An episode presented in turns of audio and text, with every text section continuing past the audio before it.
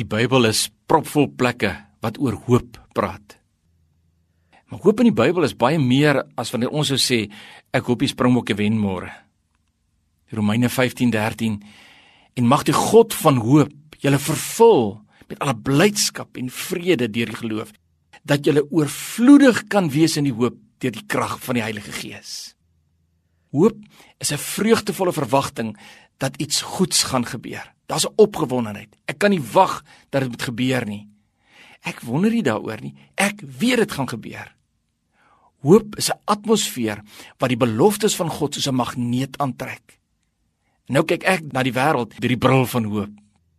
En God is die bron van al ons hoop.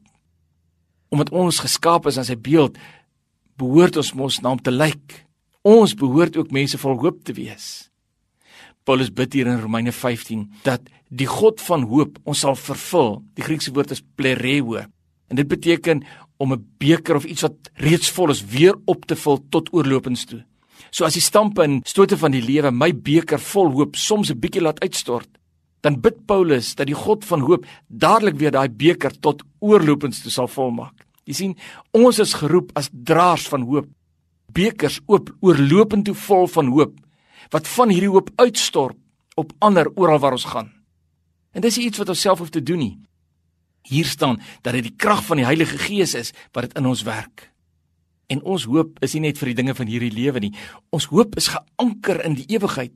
Romeine 8 vers 18 sê die lyding van nou kan nooit opweeg teen die heerlikheid van die ewigheid nie.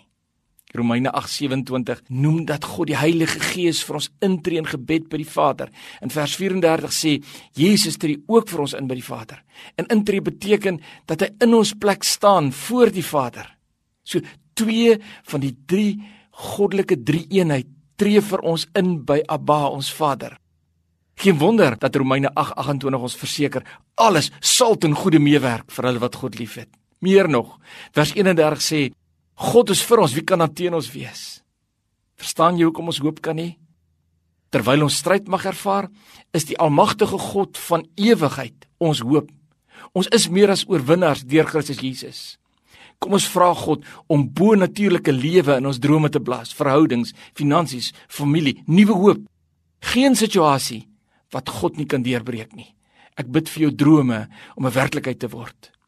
Kom ons word 'n weermag van hoopdraers wat hoop aansteek by mense rondom ons. Ek bid vir jou dat God vir jou 'n openbaring van hoop sal gee.